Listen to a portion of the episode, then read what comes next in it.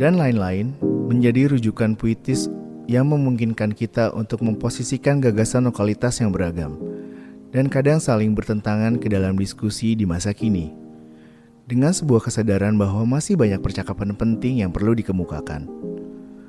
Dalam bagian ini, kita dihadapkan pada sejumlah pertanyaan terbuka dan segala yang bertolak belakang, tradisi dan modernitas, masa lalu dan masa depan, barat dan timur, keberanian dan kepolosan, umum dan pribadi.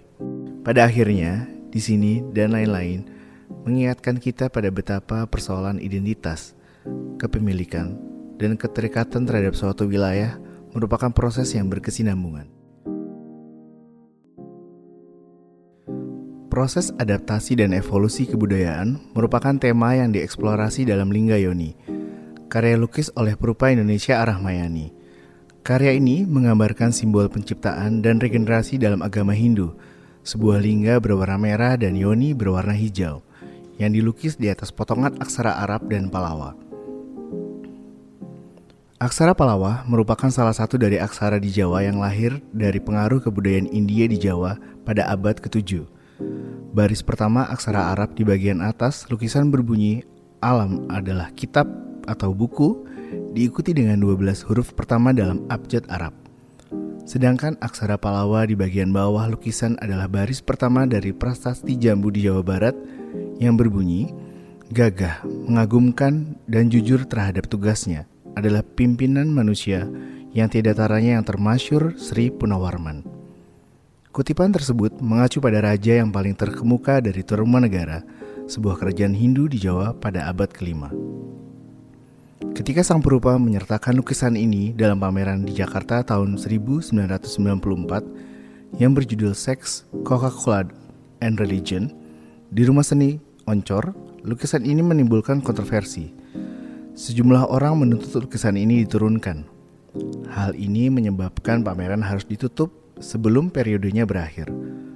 Melalui lukisan ini, Arah Mayani menggunakan contoh dari sejarah Jawa, percampuran pengaruh Hindu, animisme dan Islam yang dihasilkan dari sejarah perdagangan dan asimilasi budaya. Melalui Linggayoni, Arahma ini menyandingkan sejarah dan serbuan konsumerisme global. Karya lain yang sempat mengundang kontroversi adalah karya Citra Irian 7 oleh Sunario yang memadukan pola dekoratif tradisional Papua dengan interpretasi abstrak sang perupa.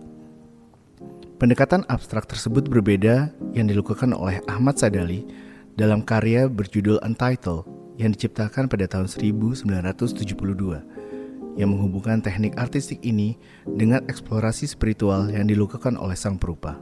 Sementara itu, dalam karya Part of Forestry, Alexander Sebastianus menyajikan tenunan kapas yang dicelupkan indigo sebagai cara untuk meneliti bentuk-bentuk baru untuk memahami tradisi dan praktek menenun. Kombinasi abstrak dan gaya figuratif terlihat pada karya Jehan Sukmantoro, perupa Indonesia yang terkenal melalui figur dalam lukisan yang menampilkan wajah-wajah dengan mata dihitamkan.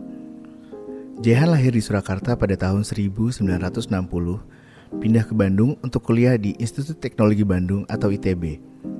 Pendidikan seni di Bandung secara aktif memancing ide dan gagasan mengenai abstraksi Jehan pun kemudian melibatkan dirinya dengan dunia sastra yang eksperimental melalui puisi konkret, hingga menjadi salah satu pendukung utamanya.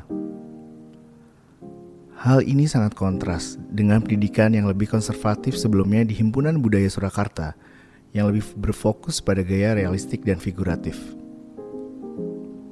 Pada tahun 1965, ia pindah ke Cicadas lingkungan padat penduduk di Bandung Timur, dan rumahnya segera menjadi tempat berkumpulnya para perupa, penyair, dan penulis termasuk Remi Silado, Abdullah Hadi, WM, dan Sutarji Kalzum Bahri.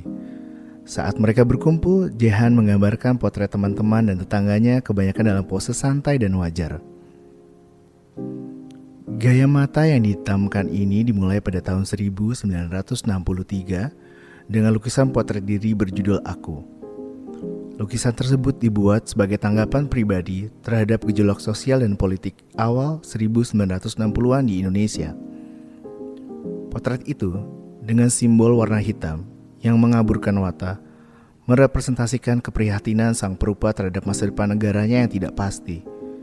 Kurangnya pertegasan pada mata juga sejalan dengan ide Jehan tentang misitisme Jawa yang mengatakan bahwa seorang pribadi tidak mampu memprediksi masa depan. Dalam seri potret diri di awal ini, abstraksi lanskap luas yang menyelimuti sang perupa serta mata yang dihitamkan menjadi sebuah pendekatan yang secara berulang terus ditampilkan dalam karyanya. Pada satu dinding di dekat pintu keluar, terdapat karya proyeksi video Nadia Bamadaj, perupa kelahiran Malaysia yang kini berbasis di Yogyakarta. Dengan latar belakang sebagai pematung, praktik artistik Nadia telah meluas melintasi beragam media, mencakup instalasi dan media digital seperti video. Ia memiliki ketertarikan pada isu manusia, terutama komunitas dan sejarah yang terpinggirkan. Karya-karya terbarunya berfokus pada seluk-beluk kehidupan sosial masyarakat Indonesia terpesona dengan kegelisahan. Terinspirasi dari fenomena ritual performance yang dilakukan oleh tentara Indonesia yang kemudian tersebar secara masif melalui media sosial. Performance yang lazim disebut sebagai yel-yel TNI ini meliputi komposisi rekan tari, seiring lagu yang dinyanyikan oleh para tentara. Sang perupa berkolaborasi dengan pasukan Garuda Merah dari Batalion Infanteri 403 Yogyakarta yang menciptakan koreografi untuk karya video ini. Mereka menyanyikan lagu Terpesona, sebuah balada cinta yang menyuarakan pesona dan daya tarik. Lirik lagu yang lugu disandingkan dengan performance militer yang gahar, nyaris bertolak belakang. Ketegangan ini diperkuat dengan gerakan film yang lambat, yang menonjolkan keberanian sekaligus melengkapi tarian ini dengan menung dan langut.